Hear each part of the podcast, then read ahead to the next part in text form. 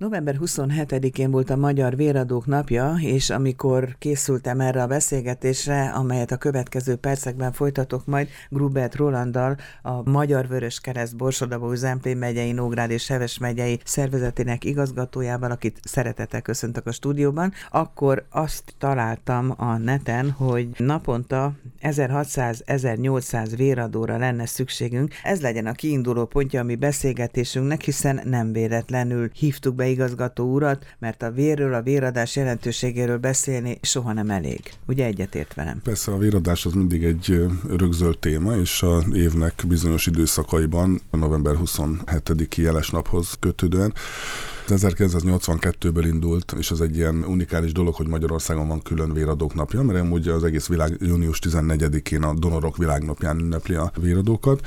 Mi pedig november 27-én is megünnepeljük őket. Hát ez az önök meg az országos vérellátó kezdeményezésének. Hát ez a Magyar Vöröskereszt kezdeményezése volt 1982-től, és ennek lett egy ilyen hagyománya, sőt itt a Kárpát-medencében a környező országokba is átvették ezt a dátumot, úgyhogy nyilvánvalóan itt a határmenti partnereinkkel ugye is ez is egyfajta együttműködési lehetőség. Ilyenkor mi apró ajándékokkal, egy-egy oklevéllel, egy érmével köszöntjük a sokszoros és rendszeres véradókat, akik valamilyen kerekszámú véradáshoz érkeztek a 25, 50, 75, 100 és a 100 fölöttiek pedig ugye már minden, minden nagy eredmény, gyakorlatilag egy egész életnek a, ha mondhatjuk úgy, egy munkája, hogyha valaki már 100-szor vagy 120-szor adott teljes vért. Azt mondják, hogy az egyik legnemesebb, leghumánusabb dolog vért adni. Hát mennyire vagyunk mi humánusak? Nagyon humánusak vagyunk egyébként. Tehát az, hogy itt most napi 1600-1800 valóban ez egy ilyen, egyfajta ilyen szakmai elvárás. Még van egy másik szám is, amit szoktunk mondani, ez a 4 százalék. Tehát, hogyha a lakosságnak a 4 százaléka ad vért, akkor az egy nagyon jó arány, és abból biztonságos Magyarországnak a vérellátása. Ez egyébként teljesen így van most is, a napjainkban is. Tehát nyilván vannak olyan időszakok, amikor kicsit csökken a véradási kedv. Jellemzően ez a nyári időszak 40 fok van, sokan szabadságon vannak, iskolák zárva vannak, nem feltétlenül ezzel foglalkozunk elsősorban valóban szezonok vannak. A 4% körüli az megvan, ugye ez nem azt jelenti, hogy 100-ból 4 ember véradó, hanem 100 emberre 4 egységvért lehet levenni. Ez ugye, ugye beszéltünk, hogy sokszoros és rendszeres véradókról van szó, tehát aki sokszoros és rendszeres véradó évente általában nem egyszer ad vért, hanem kétszer, háromszor, amikor ugye egy, egy településen vagy egy-egy munkahelyen szervezünk egy-egy kiszállásos véradást, és ma ugye nagyon jellemző már az irányított véradásnak a fontossága, és főként ugye a területi vérellátó intézetekben, során. Úgyhogy ez egy nagyon sok szereplős és sok összetevős dolog ez, hogy mennyi véradó van, mennyire lenne szükség.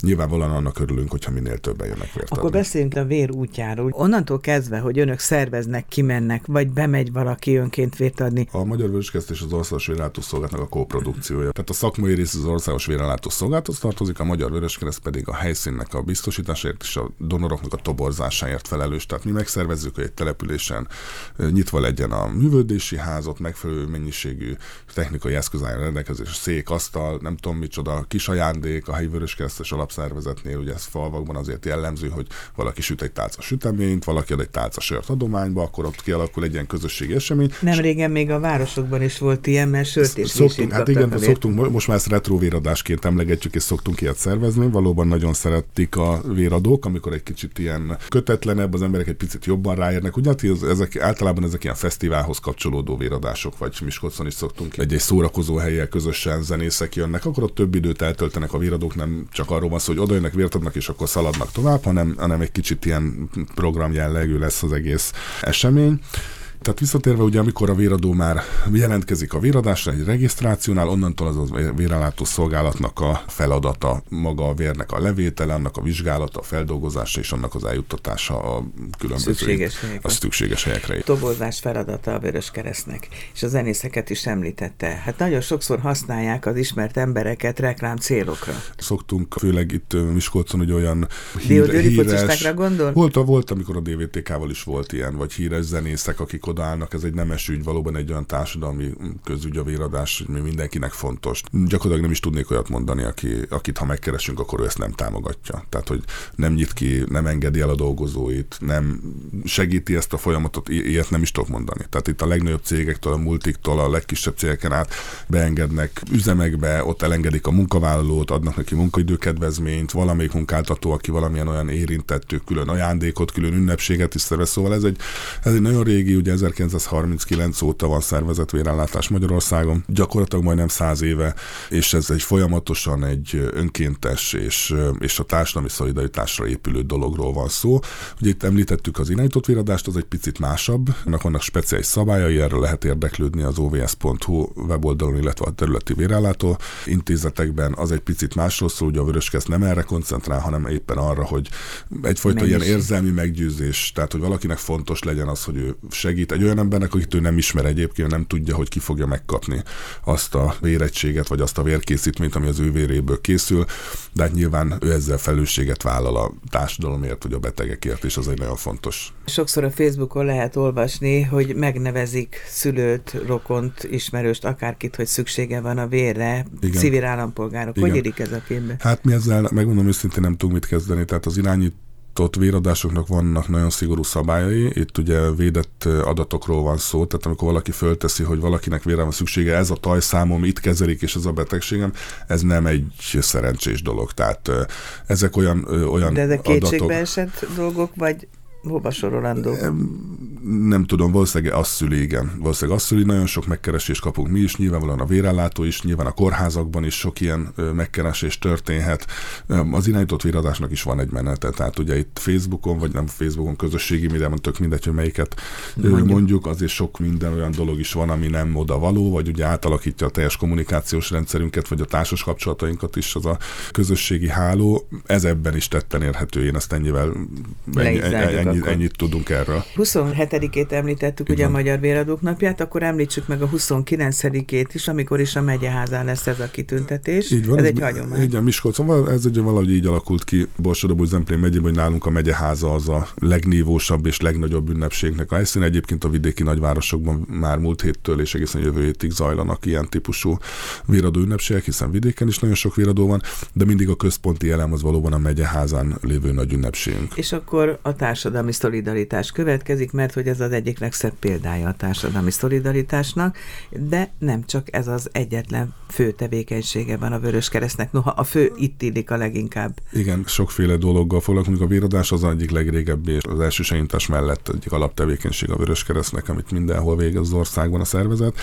Itt nálunk ugye a hajléktalanellátás egy nagyon fajsúlyos tevékenységi forma, itt Miskolcon éjszakánként 320 éjszakai férőhelyet biztosítunk alap és szakosító biztosított szolgáltatások keretében a hajléktalanellátás rendszerében. Ez külön felkészülést igényel ilyen tájt, gondolom. Igen, november 1-én indul a krízis időszak, akkor plusz férőhelyeket is nyitunk, az időszakos éli menedékhelyeket egészen majd április végéig tart, illetve hát amikor már hidegek az éjszakák, akkor ugye a hajléktalan gondozó központnak erre fel kell készülnie, hogy, hogy nagyobb az igénybevétel, hogy az utcai szolgálatot meg kell erősítenünk, nyilván van erre jogszabályi háttér is, két utcai szolgálattal dolgozunk, és ugye gyakorlatilag egész éjszaka vagy, vagy egészen estig dolgoznak a kollégák az utcán, hiszen az a cél, hogy a intézményen kívül senki ne maradjon, és gyakorlatilag életmentés funkcióban tudjanak melegben tölteni éjszakát, aki arra rászorul. Hónapok óta, két téma nem maradhat ki a beszélgetésből, ugye az évek óta mellénk szegődött Covid, meg az ukrán menekültek helyzete. A Covidra azért kérdeznék rá, mert biztos vagyok benne, hogy befolyásolta valamilyen módon a menetét a véradásnak. A, a, a véradásnak is, tehát ugye aki rendszeres véradó, és hallgatja a műsort, tudja, hogy véradásokon most is maszkot kell hordani, tehát hogy ott maszkban adnak vért, és maszkban dolgoznak a vérelátó és a vöröskesznek kollégái, tehát ott ez a maszk megmaradt, még a legsúlyosabb Covid járvány idején. Egyébként a minden tevékenységét érintette a Vöröskeresztnek, ugye az első vizsgákon keresztül a digitális és oktatásra való átállás, hogy hol lehetett véradást szervezni, hol nem. Itt is csak egy nagy köszönet, de talán erről beszéltünk korábban is, hogy a véradók ezt megértették, hogy ez viszont nagyon fontos, hogy ők továbbra is jöjjenek vért adni, hiszen az egészségügy az nem állt le, sőt, inkább ugye 300-500 százalékon kellett helytállni, és, és azok a sürgősségi beavatkozások azért, mert Covid van, attól azok nem álltak meg. Tehát Igen. voltak súlyos balesetek, nehéz szülések, szívműtétek, egyebek, amihez kellett a, kellett a vér, ezt sikeresen átvészeltük a legnagyobb részét, nyilván nyilván velünk él a Covid tovább, tehát ma is van megbetegedés, ma is hallunk statisztikákat, csak most egy picit talán ez jobban háttérbe húzódik itt ugye a szomszédban zajló háború, vagy humanitárius válság miatt, ami szintén nagy erőpróbát jelentett, illetve nem is mondom ezt múlt időben, mert ugye ez Milyen? nekünk a napi feladatainkban megmaradt. Az elején mindenki olyan nagyon sokat szeretett volna segíteni, akkor azt kellett egy picit koordinálni, és akkor utána nyilván a szervezetektől egy kicsit elfogy az erő, nyilvánvalóan a lakosság is rengeteg adomány érkezett február-március márciusban, most egy picit azért ez lejjebb ment, mert, mert nyilvánvaló, tehát ez, egy, ez a természet ennek a dolognak, ugyanezt látjuk, amikor természeti katasztrófák vannak, viszont a feladat az itt maradt, hiszen Miskolcon is élnek nagy számban olyan menekültek, akik Kelet-Ukrajnából érkeztek, tehát nem magyar nyelven beszélnek, hanem ukránul. A másik két megyében is a nagyvárosokban vannak tömeges szállásokon, most nem ezekre kell gondolni, de például Miskolcon is egy helyszínen 100-150-en laknak, akikkel foglalkozunk, és hát itt a napi ellátások, ugye az évszaknak megfelelő ruházat, amit nem tudtak magukkal elhozni, különböző integrációs programokba vonjuk be őket, valaki magyar nyelvtanfolyamra jár, a gyerekeket iskoláztatni, óvodáztatni. Kellett már, hát hogy ez nem mai feladat, hanem már ugye szeptembertől zajlik, és hát a családnak megoldani akár családegyesítéseket, akár az, hogy tudjanak kommunikálni, biztosan egy nehéz időszak jön újra nekik, hiszen ugye jön a karácsony, és a családok ugye nem együtt fogják ezt tölteni, akármilyen szociális helyzetből is érkeztek, hanem ugye a családnak a férfi tagjai vagy valahol dolgozik, vagy ugye ott maradt Ukrajnában, tehát nehéz. Amúgy is nehéz egy szobában élni három gyerekkel egy anyukának, úgyhogy tőle 1000-1500 kilométerre lakhat esetleg az apuka. Ez egy nehéz időszak. Ez a menekült ellátás mondjuk így nagyon rövid idő alatt beépült a mindennapokba. Tehát ugye mi vittük a Vöröskereszt segélyeit, mármint a megyei szervezet Akár. itt a Magyar Vöröskereszt segélyt Kárpátaljára. Idén is tervezünk még szállítmányt, amit a ottani, tehát az Ungvári, illetve a Kárpátai Vöröskeresztnek fogunk továbbítani. Gyakorlatilag velük napi kapcsolatban vagyunk, tehát ismerjük a szükségleteiket. Ugye a Nemzetközi Vöröskereszt is belépett már ugye az elején elejétől gyakorlatilag ennek a humanitárius válságnak kezelésében nagyon sok nemzetközi finanszírozású program fut Kárpátalján és egész Ukrajnában is. Nemzetközi finanszírozású, de a civil állampolgár segítségére is számítanak. Hogy alakul az adományozási kedve egyébként, hiszen közben meg itt van a gazdasági válság. Igen, meg... ez nehéz, nehéz ügy, és ugye éppen a gazdasági válság miatt több olyan program is elmarad, ami egyébként nekünk adománygyűjtő program volt, és mondhatjuk itt a Miskolci Adventi vásárt, ahol ugye a Szeretett Süti gyár dolgozott, nem Bizony. tudom, az elmúlt tíz évben. Most tavaly előtt ugye elmaradt, mert Covid volt, tavaly ugye egy más formában, de sikerült megvalósítani, és most idén megint elmarad. És azt reméljük, hogy jövőre most már vissza tudunk térni tényleg a rendes kerékvágásba. Itt nem csak az adományról szó lesz, bár tavaly ugye több mint egy millió forint gyűlt ott össze, gyakorlatilag teljesen aprókból, tehát 10-20 forintosokból meg nagyon sok tárgyadomány, hanem arról is szól, hogy ugye, hogy hogyan tudjuk megélni ezt az ünnepkört. Ugye itt helyi közösségek jöttek, egy-egy baráti társaságok, egy-egy cégtől, egy-egy iskolából, óvodából, talán egy picit jobban már nem, hogy ez elmarad, hiszen nekik ez egyfajta élmény volt, velünk együttműködtek, egy esemény, sokan készültek rá, ugye van ennek egy Facebook oldalon, nagyon sokan írtak már, hogy mi történik, mi lesz, és akkor ugye kiderült, hogy ez így elmarad, és hát jó lenne most már tényleg teljes békességben, teljes egészségben jövőre süteményt sütni, nem tudom, november végétől december 24-ig, ahogy ezt és szoktuk élvezni egyébként. az ízét, meg az illatát. így van, így van. És ön hogy élvezi igazgató úr három megye vezetői minőségében önmagát? Én nagyon jól érzem magam. Arról van szó, hogy ez egy olyan feladat, ami ugye hiába szomszédos megyékről van szó, de azért vannak távolságok. Fizikai, hogyne? Tehát azért Salgóterán ide két óra autóval, akár merre is közelítjük, vagy autópályán, vagy a hegyen át. Nagyon sok utazással jár, úgyhogy ez egyik része, de hát itt nem felsősorban rólam van szó, tehát itt a kollégáimnak, mind a három megyében a kollégáknak kellett egy picit a munkát is úgy szervezni, hogy kicsit nehezebben vagyok én elérhető, egy kicsit jobban kell tervezni, hogy olyan személyes jelenlétű programokról van szó, de eddig jól vesszük az akadályt egyébként, én szerintem. Küzdünk azért, hogy nagyon sok a feladat, tehát amúgy a novemberi és decemberi hónap mindig egy csúcs a Vöröskeresztnél, most ugye a menekültekkel kiegészülve ez egy egészen más szintre lépett, és hát mind a három megyében nyilván Borsodban vannak most valami mindig Borsod, mindig, mindig Borsod a legnagyobb, meg mindig Borsod a legtöbb, valahogy ez nekünk itt eh, Miskolcon vagy Borsod megyében ez van, de a másik megyében is ez a helyzet. Egyébként ez az ilyen feladat, mint ugye a Covid meg a menekültügy, az nyilvánvaló, hogy átírja a megszokott programot, mint ahogy Igen. átírja majd 2023-ban is, de azért ez nem jelenthet minőségében semmiféle negatív eltérést. Igen, ezért nehéz. Elsősorban ezért nehéz. Tehát nem arról van szó, hogy leteszünk egy feladatot és felveszünk egy másikat, és akkor abban teljesedünk ki, hanem arról van szó, hogy azokat a tevékenységeket, amit egyébként a Vöröskeszt végez, azt ugye százszázalékosan el kell látni, Igen. hiszen attól még hazai rászorulók vagy hajléktalanok még vannak, hogy menekültek is vannak, ugye? És erre külön kell nagyon transzparens módon figyelni, hogy nem csak arról van szó, hogy most csak a menekültek, hanem hát van hazai rászorulók is vannak, és erre is figyelnünk kell. Nem lenne teljes ez a beszélgetés, ha kihagynám a kedvenc témámat, a többlábon állást. De idén sikerült ebben is előrelépnünk, jól szerveztük, tehát a háború kitörésének a napján indítottuk a országos véradásszervezési call centerünket, egy 40 fős kontingens előtt megyében. Ezt már tavaly előkészítettük, voltak pilotok, amikor azt kipróbáltuk, de attól függetlenül csak egy 40 fős call centert hoztunk létre. Itt csak is kizárólag megváltozott munkaképességek dolgoznak öt megyében, és a országos szolgálatnak dolgozunk egyébként. Azokat a véradókat hívjuk föl telefonon, akik az elmúlt kettő évben valamiért nem jelentkeztek. Elköltöztek, munkahelyet váltottak, nem tudom, máshogy alakult az élet. Mi őket ilyen alvó donoroknak hívjuk. Tehát nem éjszaka telefonálunk, hogy alvó donorok, hanem csak régen nem jelentkeztek, és egy egész komoly szám, tehát évi egy millió hívás, az azt jelenti, hogy hetente 20 ezer hívást indítanak a kollégák, tehát egy komolyabb informatikai dolgot is kellett mögé fejleszteni, szerkeszteni, hogy ezt a kollégák el tudják végezni, és egy egyenlőre úgy néz ki, hogy fogjuk folytatni jövőre is főként a kollégák nagy örömére, akik azért az elmúlt egy évben beletanultak a call centeres feladatokba, és vannak is eredmények, nem is olyan rosszak az eredmények, nyilván tisztul adatbázis, azért valamennyivel több véradó érkezik, és mondom, tehát ez nem csak a megyébe vagy a régióba, tehát az egész országba szervezzük, úgyhogy, úgyhogy ez egy jó dolog, új társadalmi vállalkozásként lehet gyakorlatilag ezt értelmezni, úgyhogy a régieket pedig régieket. Hát Életben hát a, tartani, hát igen, gondolunk most itt már a... így van a kisortobágymajor, vagy a tűzcéna szeretet, beáll szépen minden ilyen tevékenység, tehát látjuk azt, hogy hogyan lehet finanszírozni egy társadalmi vállalkozást, mit kell hozzá megtenni. Most, ha mi ebben belemennénk, ugye a Covid alatt azért nagyon sokan hazahozták Kínából a gyártást a textiliparban is. Tehát a Varroda például már november elején, december végig nem tudott fölvenni újabb megrendeléseket, mert teljes kihasználás mellett működött. Ez újabb veszélyeket hordoz magában, ha egy-két ember kiesik, akkor nem tudjuk teljesíteni a vállalási időt, de jobb ez a fajta felelősség, mint az, hogyha nem lenne munka, úgyhogy, úgyhogy nem, nem panaszkodhatunk ebből a szempontból. És jut idő arra, hogy újabb gondolatok motoszkáljanak a fejükbe, hogy na mi lesz 2023-ban, amiről majd érdemes lesz beszélni?